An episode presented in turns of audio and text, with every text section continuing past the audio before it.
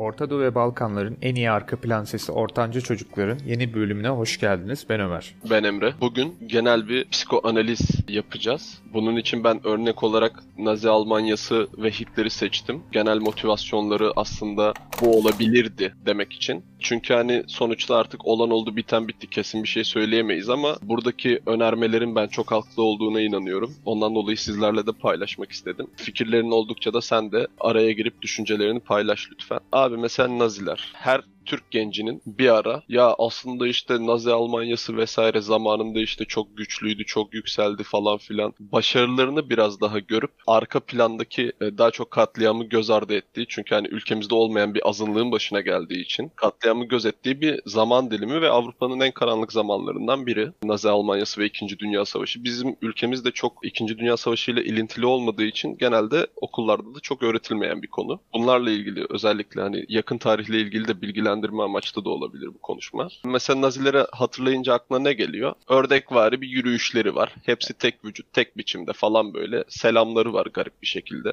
Hepimiz biliyoruz yani. Çok cool kıyafetleri var. Onları da kim dizayn etmişti? Tommy Hilfiger mı? Galiba öyle biri dizayn etmişti. Yani ondan dolayı kıyafetleri de çok cool. Nazi Almanyası aslında Hitler'in birebir bir kopyası aslında. Hitler'in hayal ettiği tek vücut bir ülke. Hayali bir dikdörtgen çizdi. Bu hayali dikdörtgenin içinde olan her şey Hitler'in istedikleri şeyler ve buna düzen adını veriyor. Aklındaki bir düzen var. Ve dışarıda olan her şey bu düzene karşıt. Bu düzene karşı işte bir avcı, bir parazit ve bunlardan iğreniyor abi. Evet, onun tamam. dışında olan her şey, bu box'ın dışındaki her şey ona karşı olan bir şey olarak ve yanlış olarak herhalde algılıyor. Aynen abi. Hitler mesela bak şimdi araştırmalara göre bu psikoanaliz çıkarımlarına göre abi bu düzen sevdası ve düzen tutkusu, iğrenme hassasiyeti, bir şeylerden daha çabuk iğrenme ve tiksinme, fiziksel veya ruhsal olarak bir şeylerden iğrenmeyle çok alakalı ve çok ilintili çoğu zaman da beraber olan bir şey. Ve Hitler'le ilgili abi bilinen gerçeklerden biri de Hitler mesela iğrenme hassasiyetine sahip bir insandır. Kendisi mesela günde dört defa banyo yapan bir insandı. Anladın mı yani iğrenme hassasiyetinin seviyesini? Şu ana kadarki çıkarımlarımız ne? Düzen ve iğrenme hassasiyeti birbiriyle bağlantılı ve genelde beraber. Hitler de belli bir box kurmuş. Dikdörtgenin içindeki her şey düzen, dışındaki her şey düşman. İşte aslında bu dikdörtgenin düşündüğün zaman işte bu Hitler'in yaptığı her şey, Hitler'in motivasyonunun arkasındaki asıl sebep katliamının da vesaire de korku sebepli değil. İşte bu iğrenme hassasiyeti sebepli olduğunu düşünüyor bu psikoanaliz. O zaman abi tüm senaryoyu değiştiriyor. Mesela hani belli bir ırktan korktuğu için katlettiğini sanıyoruz ya. Biz mesela şu an madde olan çoğu şey Yahudi ırkı sahip. Amerika'da vesairede falan banka sistemini resmen ele geçirmiş durumdalar ve Hitler zamanında bunu görüp korktuğu için Yahudilere karşı katliam uyguladığını sanıyoruz ama aslında öyle değil. Abi Yahudilerden iğrendiği için bu evet. önermeye göre. Mesela kitabında da şöyle bahsediyordu. Kendi anılarının olduğu topladığı bir kitap vardı hatırladım. Onu okumuştum. Yani orada Yahudi halkının, Yahudilerin aralarındaki azınlık kısmın medyayı ne kadar iyi manipüle ettiğini ve onların gerçekten düzenlerini bozduğunu, onları yılan olarak gördüğünü ve gerçekten o tiksintiyi sana hissettiriyor kitabı okurken. Yani çünkü sayfalarca adeta betimlemiş içindeki nefreti ve onlara karşı duyduğu tarifsiz, katlanılmaz bir öfke var sanki içinde Yahudilere karşı. Evet abi işte yani basitçe aslında Aryan ırkı için bir metafor kuruyor hayalinde bir vücut var tamam mı? Saf bir vücut. Ve bu vücudu parazitler ve avcılar tarafından ifade edilmemiş, saldırıya uğramamış bir şekilde korumak istiyor Hitler. Ve bunun için işte basit bir şekilde abi korumak için ne yaparsın? Bir şeyi korumak için etrafını sararsın. Başka şeyler dışarıdan içeri giremezler abi. Hani işte bunun altında yatan sebep iğrenme hassasiyeti bu Hitler'deki. Mesela abi bak detaya girmeden önce 5-6 yıl önce yapılan bir çalışma var. Ben de okumuştum. Orada mesela şöyle bir sonuca varıyorlar abi. Bu yine sınır sınırlarla ilgili konuşurken abi farklı ülkeleri karşılaştırıyorlar. Farklı ülkelerde abi bir ülkede enfeksiyon hastalıkları ne kadar sıksa o ülkede baskıcı ve totaliter bir rejim olma ihtimali daha yüksek. Mesela şimdi örnek verelim. Senin gittiğin ülke İsveç. İsveç'te düşük. Oradaki refah yüksek totaliter rejim o kadar yok. Baskıcı bir rejim yok. İnsanların kaçmak istediği ülke. Evet. Diğer örneği verelim Türkiye. Türkiye'de akraba evliliği ve enfeksiyon hastalıkları çok sık. Ondan dolayı yurt dışına gidebilen doktorlar çok fazla para alıyor. Çünkü inanılmaz çok enfeksiyon hastalığı. Mesela tüberküloz. Tüberkülozu çok sık görüyoruz. Abi araştırmanın basitçe soruncu bu. Şimdi bir enfeksiyon hastalığının olduğunu düşün. Mesela şu an korona var. Daha önce de konuştuğumuz konu. Enfeksiyon hastalığı olduğunda ne yaparsın? Bulaşmasını önlemen lazım. Bunun için ne yaparsın? İşte karantina. Karantina nedir abi? Basit bir şekilde sınır koyarsın. Çitler koyarsın insanların etrafına. Böylece hani insanlar, hastalık insanlar arası bulaşamaz. Sınırlandırırsın ve dolaylı olarak fikirler ve düşünceler de aslında insanlara bir nevi bağlı olduğu için yani sonuçta senin ağzından çıkması lazım bu fikrin. Bu şekilde yayılamaz. Yani hastalığın yayılmasını engelliyorsun. Araştırmaya göre şöyle bir şey de bulmuşlar. Mesela daha ağır ve bu enfeksiyon hastalıklarının olduğu yerlerde cinsel yönelim veya cinsel hayata yönelik kurallar da daha ağır ve katı. Yani aslında mantıklı bir şey bu. Çünkü hani sonuçta cinsel herhangi bir şey, cinsel ilişki Daha hastalık yayılması için aynen hastalık yayılması için mükemmel bir ortam yaratıyor. İşte bak Hitler sebep olduğu bu yıkım ve katliama başlamadan önce ne yapıyor biliyor musun abi? Ne yapıyor? Adam tüm fabrikaları temizletiyor. Toplumu tüberkülozdan kurtarmak için abi toplum sağlığı kampanyası başlatıyor. Ve fabrikadaki abi böceklerden ve sıçanlardan kurtuluyor. Bak şimdi burada önemli bir şey söyleyeceğim. Zyklon B. Bu abi bir hidrojen siyanür bileşiği bir pestisit yani böcek ilacı. Böcek tamam mı? Aynen. İlk başta fabrikalar abi bununla temizliyor. Böceklerden kurtuluyor. Sıçanlardan, farelerden kurtuluyor. Ondan sonra abi zorunlu bir ötenazi programı başlatıyor bir nevi. Şöyle anlatıyor onu da. Halkın içindeki kronik hastalığı olan, yaşlı olan insanların kendilerine, ailelerine ve topluma yük olduğunu propaganda yapıyor ve bunlardan halkın kurtulması gerektiğini söylüyor. Yine Zyklon B kullanarak bunlara zorunlu ötenazi yaptırtıyor. Vay. Ve en son ırksal saflaştırma projelerine başladığı zaman Yahudilerini bu ölüm odalarında yine aynı gazla öldürüyor. Yani adam bu iğrenme hassasiyetiyle ilk başta böcekten başlayıp en son iğrendiği ırklara kadar hepsini aynı silahla katlediyor. Bak mesela bunun arkasındaki psikoanalitik falan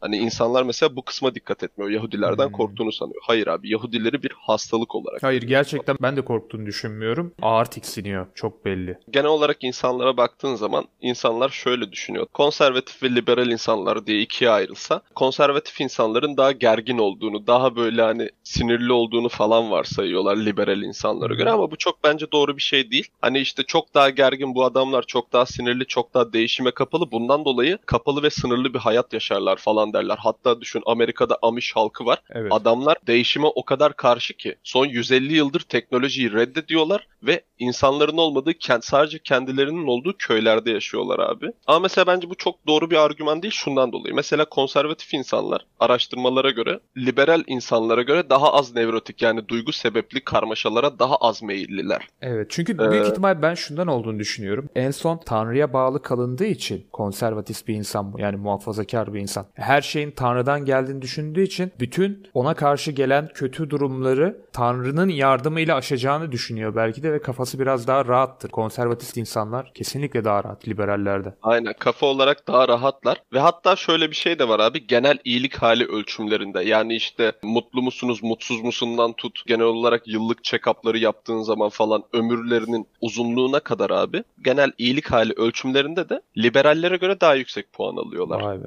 Aynen. Mesela ortalama mutsuzluğu abi en yüksek olan kısım liberal erkekler. Basit bir şekilde Türk insanı için solcu erkekler oluyor bu. Bizim kültür için mesela ülkeden daha çok kaçmaya yönelik olan insanlar bu tarz insanlar Bunlar oluyor. tabii ki de bir konservatif bir insan e, kalkıp da gidip ben İngiltere'de yaşayayım diyeceğini kolay kolay sanmıyorum. Aynen işte abi. Mesela işte bu konservatif insanın davranışlarının arkasındaki sebebin korku olduğunu düşünüyorlar. Ama e, işte bundan dolayı daha kapalı, fikren ve zikren daha kapalı insanlar olduğunu düşünüyorlar. İşte ondan dolayı diğer insanların fikirlerini baskılama isteğinde olduğunu falan düşünüyorlar. Ama bu bence çok da doğru değil. Bu adamlar abi basitçe daha az açık görüşe ve daha yüksek düzene sahipler. Daha önceki argümanları hatırla. Yüksek düzen sahipliği neyle ilişkiliydi abi? Yüksek iğrenme hissiyle, hassasiyetiyle. Hatta bu durumun İngilizce'de özel bir adı var abi konservatifler için. Extended Immune System yani genişletilmiş bağışıklık sistemi diye. Basitçe abi olay şu. Abi konservatif bir insan genel olarak kendisinden olmayana karşı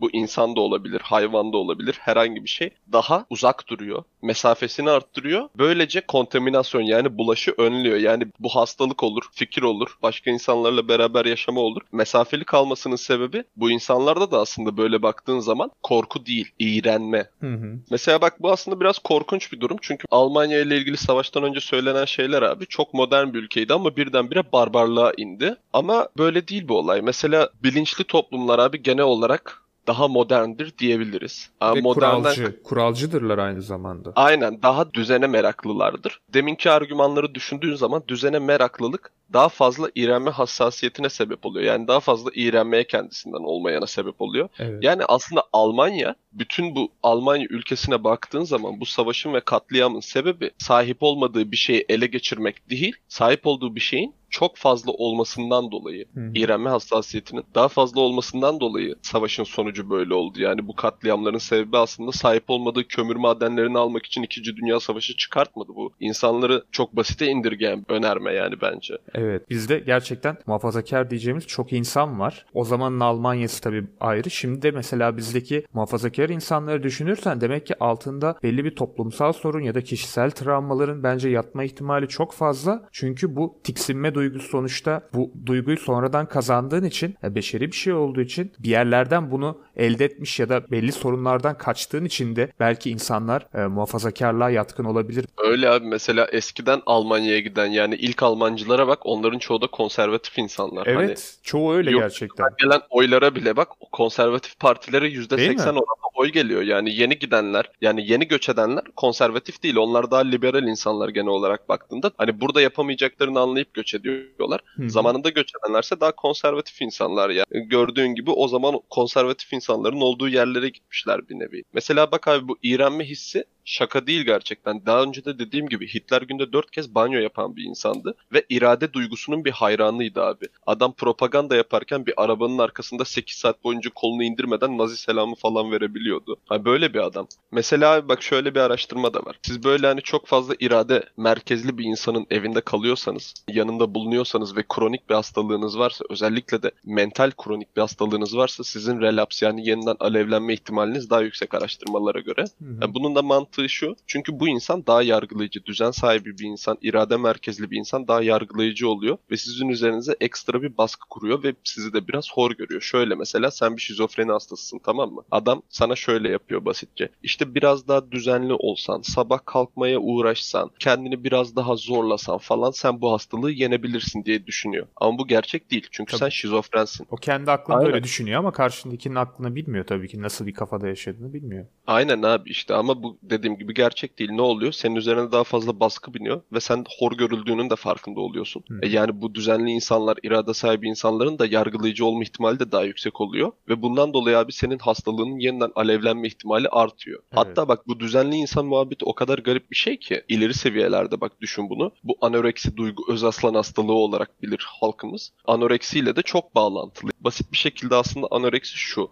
O kadar çok iğrenme hassasiyetine sahipsin ki vücudunu artık tolere edemiyorsun. Her şey senin için çürüme ve kusur merkezi. Vücudun da böyle. Ondan dolayı kendini tolere edemiyorsun ve yavaş yavaş yok oluyorsun. Yani anoreksinin mantığı da aslında bu. Kilo almaktan neden bir korku duyulabiliyor? Kendi vücuduna bir şey olmasından mı korkuluyor? Yani bunu bir kusur olarak görüyor temel olarak. Hani bu insanlara baktığın zaman altta yatan böyle bir hani kilo almayı kusurla bağdaştırmış bir psikoloji var. Yani bu insanlar kiloluluğun kusur olduğunu düşündüklerinden dolayı. Mesela hani bundan 400 yıl önce zaten doğru düzgün kaynak yok da anoreksi diye bir hastalığın var olup olmadığı bile belli değil. Eskinin güzellik standartı. Mesela bak abi Yunan heykellerine hepsi göbekli göbekli. Güzellik algısı veya yakışıklık algısı zaten o zaman değişik. Şu anki günümüzdeki algı da değişik ve kilolu olmak bir kusur olarak görünüyor. Eskiden Ve zenginlik olarak görülüyordu kilolu olmak mesela. Aynen. Gut'u zengin hastalığı olarak biliyoruz. Çünkü eskiden zenginler sadece proteinli yiyebildiği için onlarda oluyormuş. Fakirlerde olmuyormuş. Her neyse. Ama abi işte bak kusur ve çürüme olarak görüyor vücudunu basit bir şekilde. E, vücut da abi böyle bir şey. Sen mesela bak senelik grip aşısı diye bir şey var. Çünkü her sene virüs değişiyor ve her sene vücudun hasta olabiliyor. Hastalığa vesaireye çok açık bir yapı vücut. Ve düzenini sağlaması da otomatikman çok zor. Hitler'in günde dört kez duş almasının sebebi de bu. Bu Aryan ırkı için yaptığı katliamların, soykırımların sebebi de bu. İğrenme. Belli bir düzeni sağlama. Hitler yoksa savaşı kazanmak istese abi sence kazanamaz mıydı? Kazanırdı sanki. Aynen abi kazanırdı. Ne yapardı? Salak bir insan değilse şunu yapardı. Savaşı kazanmak isteyen bir naziysen senin yapacağın şey budur. Belli bir ham madden var, belli bir kaynağın var. Sen bu kaynakları alıp katliama yöneleceğine savaşı kazanmak için kullanırsın. Nasıl kullanırsın? Sen bu insanları topladın, okey. Bunları esirleştirdin, hadi buna da okey. Bu insanları hani Aryan ırkının iyiliği için çalıştırmak varken katletmenin arkasındaki saçmalığın sebebi ne sence? Jung'un bir önermesi var psikoanalitikte. Eğer bir insanın bir şeyi neden, ne için yaptığını anlayamıyorsan sonuca bak. Sonuçtan sebebini çıkartabilirsin diyor. Yani aslında Hı hı. sonuca baktığın zaman abi ne oldu? 6 milyon Yahudi katledildi. 120 milyon insan savaş sebeple öldü Hı ve. Avrupa harabe içinde kaldı. Yani Hitler'in savaşı çıkartmasındaki sebep abi bak bu insanları hani katletmekti. Şimdi düşün abi sen savaş kaynaklarını savaşı kaybetmeye başladın bir andasın. Elinde iki tane seçim var. Hitler ve subaylarının iki tane seçim var. Ya biz abi bu katliam işini biraz durduralım Elimizde kaynaklar sınırlı. Bu kaynakları savaşı kazanmak için harcayalım ve savaşı kazanalım. En azından deneyelim. Ya da abi savaşı kazanmayı boş ver. Bizim belli bir amacımız var. Bu amaca yönelik elimizden geleni yapalım. Bak savaşı kaybetmeye başladığı zaman Hitler abi kendine olan inancını mı kaybetti? Kaybetmedi. Almanya'nın, Alman ırkının zayıf olarak ona ihanet ettiğini düşündü ve böylece hani savaşı kaybedip kaybetmemek artık onun için önemli bir şey olmaktan çıktı ve kaynaklarını tamamen kendi iğrendiği şeyleri ortadan kaldırmak için kullandı. İnanılmaz Bak be- bencil bir adam yani. Gerçekten hasta bir adam. Abi. Aynen gerçekten hastalık seviyesinde. Mesela düşün abi sen toplama kampında bir nazi gardiyansın. Burada duruyorsun ve senin karşında hiçbir hakkı olmayan, gıkını bile çıkartamayan, yarın sabah uyanıp uyanmamasının senin sağlayacağın insanlar var. Ve senin hani ruhunun içindeki o sadistik böyle iğrenç parçalar, ta Kabil zamanından gelme iğrenç parçalar var. Hani bunların ortaya çıkması için mükemmel bir ortam var. Ortaya çıkmaz mı? Çıkar. Zaten olay basitçe şuna geliyor yani. Hani savaşın arkasındaki motivasyon insanlar her zaman iyi bir şey için savaşır? Genel olarak kötü şeyler için savaşırlar. Savaşın sebebi nedir? Çıkar işte hani mesela kimisi şey der ekonomik çıkar vesaire der. Kimisi işte bölgesel dominans yani hani bu toprak parçasını ben yönetmek istiyorum. Sebepli savaşların olduğunu söyler çoğu insan veya zaten az olan ve sınırlı olan doğal kaynakların yönetimini ele geçirmek diyebilirsin. Ama ben bir kömür madeni için dünya savaşı çıkmasının yani asıl sebebin bu olmasını ben hala hazmedemiyorum ve inanmıyorum. Çünkü abi bu savaşın arkasında yatan şey basit bir şekilde iğrenme ve kötülük ve kişisel bir sebep. Hı hı. Bir insanın resmen temizliği yani bu. Yani 20. yüzyıl için tabii bu Hitler olayı için Hitler'in kişisel probleminin bu duruma sebep olduğunu söyleyebiliriz. Mesela ama 21. yüzyılda tabii bunların gerçekleşmesi daha zor olduğu için yürütme tek bir kişiye bağlı olmadığı için tek bir kişinin emriyle de belli şeyleri yapamıyorsun. Mesela milyonları bir anda katledemez. Belli yasalar. Güç dengeleri var abi. Evet eskisi Tabii gibi ki. tabii böyle hani çok basit bir şekilde savaş kimse çıkartamaz. Herhangi bir lider çıkartamaz tabii ama o zaman Hitler ortalığı yakıp yıkmış resmen. Öyle abi ben hala mesela yok işte doğal kaynaklar mevzusuna ben hala inanmıyorum. Bu kişisel bir amaçlıydı. Yani resmen bir seferdi yani kişisel bir insanın inandığı bir seferdi. Bak abi Eskimoğullara yemin ediyorum adamların elinde sadece kar ve fok balığı var. Ve adamlar bu şekilde yaşıyorlar. Düşündüğün zaman ülkemize bile bak insanlar o kadar yokluğun içinde bir şekilde var olmayı devam ettirebiliyorlar ki şaşırırsın yani kendi gördüklerimi de hatırladıkça. Dünya Savaşı gibi büyük bir olayın basit bir şekilde azalmış ham maddelerin kontrolü vesaire olarak böyle indirgenmesi hani insanlığa bence bir hakaret. Çünkü hani insanlar bundan daha sofistike canlılar. Şuradan bile olayın ciddiyetini anlayabiliriz. Almanlar için aslında Adolf Hitler gerçekten bir utanç kaynağı şu an, şu zamanda. Kendi çocuklarına bile Adolf ismini koymuyorlarmış artık. Adolf Hitler geçtiği yerde de yüzleri kızarıyormuş ve gerçekten gizli bir onlar için, Almanlar için bir utanç kaynağı. Bir insanın arkasında yanlış bir sebeple toplanıp onu sonuna kadar takip ettikten sonra uzun vade sonuçlar böyle gayet yüz kızartıcı olabiliyor. İnsanların neyin ne olduğunu düşünmeleri şart. Ortanca çocukların bir sonraki bölümünde görüşmek üzere. Şimdilik hoşçakalın. İyi günler.